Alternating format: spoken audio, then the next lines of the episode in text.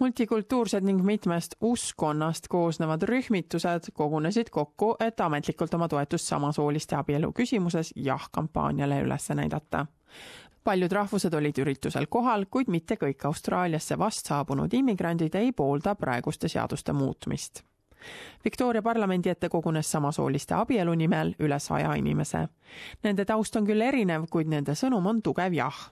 Judy Tank on Austraalia LGBTIQ multikultuurse nõukogu president ning ta ütleb, et vast riiki saabunud inimeste ning tema poolt esindatavate inimeste vahel on vaieldamatu empaatia. Multicultural groups, they've gone through so much persecution, discrimination uh, in their lifetime, and they're fighting for a better future with equality. It's exactly the same with the same sex marriage, um, a marriage equality in itself.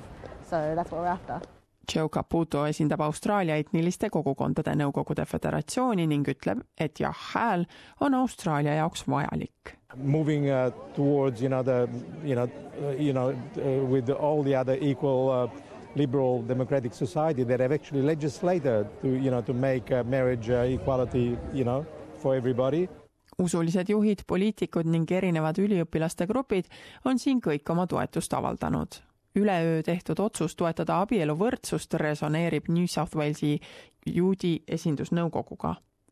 Saul Burston Austraalia Aasia juudi õpingute liidust selgitab. It's the right thing to do. It's, it just makes sense. I mean, two consenting adults who love each other should be able to marry one another and they shouldn't be told that they can't paljude mõlemas leeris asuvate inimeste jaoks määrab perekonna tulevikuga seotud selle, kuidas nad hääletavad Sri Lankal sündinud jurist Molina Ashtana, kes esindab Aasia ja Austraalia liitu, ütleb, et tema hääletab jah We want to uh, emphasize that this is all about families. We're strengthening families and it's also about equality. We want equality for all. We all believe in the values of liberty and equality. It's a basic human right. kuid Melbourne'i idaosas ütleb Sri Lankal sündinud kristlik preester Daniel Naljah, kes soovib ka poliitikuks saada, et tema hääletamise otsuse keskmes on perekond ning sellepärast hääletab ta abieluvõrdsuse vastu. The Bible is very clear. A man and a woman was created to come together with reproductive organs so that they could multiply and produce children. Whereas when two men come together, it's not the same. ning sellisel samal arvamusel on temaga ka Malaisias sündinud multikultuurse taustaga koguduse liige John C. Well, if they want to live together but don't make it a law that affects everyone the, in the country. In their private lives, they can live together. We cannot go against them. Like we say, the Bible says, love everyone. We love them.